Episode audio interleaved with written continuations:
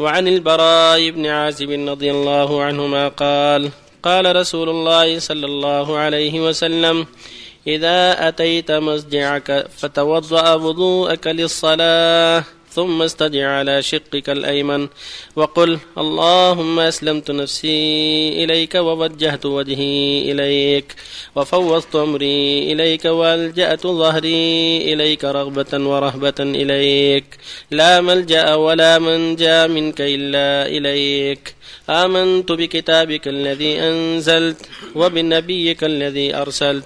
فإن مت مت على الفطرة واجعلهن آخر ما تقول. متفق عليه.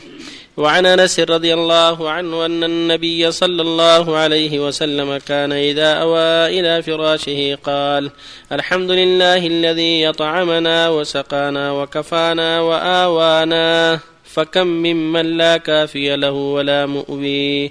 رواه مسلم.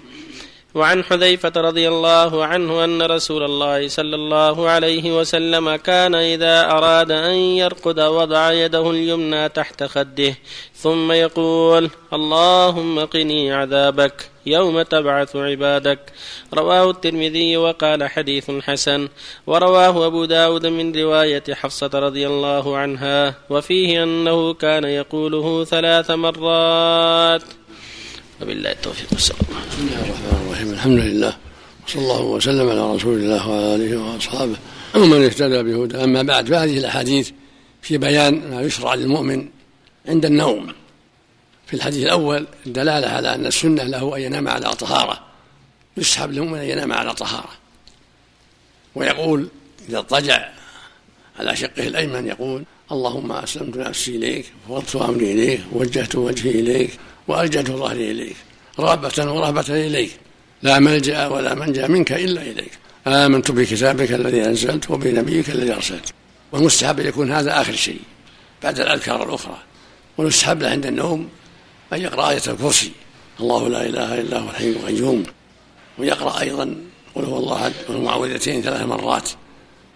ثم يختم بهذا اللهم أسلمت نفسي إليك وإن دعا بغير ذلك اللهم قني عذابك يوم تبعث عبادك كما في حديث حذيفة وحفصة يقول ثلاث مرات يستحب أيضا وإن دعا بدعوات أخرى فلا بأس فإن جاء دعوات أخرى.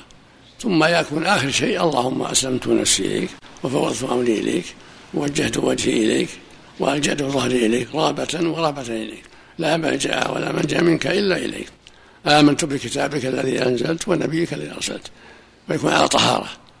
ويبدأ يضع خده يده اليمنى تحت خده الأيمن أول ما ينام. هذا هو الأفضل. كما فعله النبي عليه الصلاة والسلام. وهذا سنة. كل إنسان يستعمل ما فعله النبي صلى الله عليه وسلم. هذا سنة. كذلك هنا يسبح الله ويحمد الله ويكبر الله 33 مرة. ويختم المئة بألله أكبر عند النوم. كل هذا مستحب. لأن الرسول صلى الله عليه وسلم كان يفعل ذلك عليه الصلاة والسلام ويرغب المسلمين في ذلك عليه الصلاة والسلام. كذلك سنة عند النوم الحمد لله الذي أطعمنا وسقانا وكفانا وآوانا. فكم كم من كافي له ولا مؤوي. هذا الحال الثناء العظيم يقوله إذا أوى إلى فراشه. الحمد لله الذي أطعمنا وسقانا وكفانا وآوانا. فكم من كافي له ولا مؤوي. كم من ناس ما يستطيع يجد محل ينام فيه يأمن فيه. هذا رزقه الله مبيت وراحة وطمأنينة عند أهله في محل أمن نعمة عظيمة. فيقول الحمد لله الذي أطعمنا وسقانا وكفانا وآوانا فكم لا كافي له ولا مؤمن. اللهم قني عذابك يوم تبعث عبادك ثلاث مرات ويأتي من بقية ما يقال. نعم إن شاء الله. نعم. يقول إلى آخر الحديث فكم من كافي له إلى نعم, نعم. إلى آخره. الحمد لله الذي أطعمنا وسقانا وكفانا فكم لا كافي له ولا مؤمن يعني أمة كثيرة ليس لها كافي ولا مطردة في كل مكان إن شاء الله. نسأل الله العافية. الله إليك يا شيخ. بالنسبة للحديث الرسول صلى الله عليه وسلم لعلي بن أبي طالب وزوجته فاطمة رضي الله عنهم قال إذا أتيت مرجعكم فسبح الله 33 وأحمد الله 33 وكبر الله 34 هل مثلا أحسن الله إليك إذا كان الشخص مرهق أحسن الله إليك؟ يقوله يعني أحسن الله إليك. مثلا على أساس أنها أوصاهم أنها خير لهم الخادم. هل مثلا أحسن الله إليك مثلا يقولها يأتي بارهاق أو كذا؟ يستحب هذا يقوله يأتي الحديث في هذا. وبيناها الآن. يقول سبحان الله والحمد لله 33 مرة.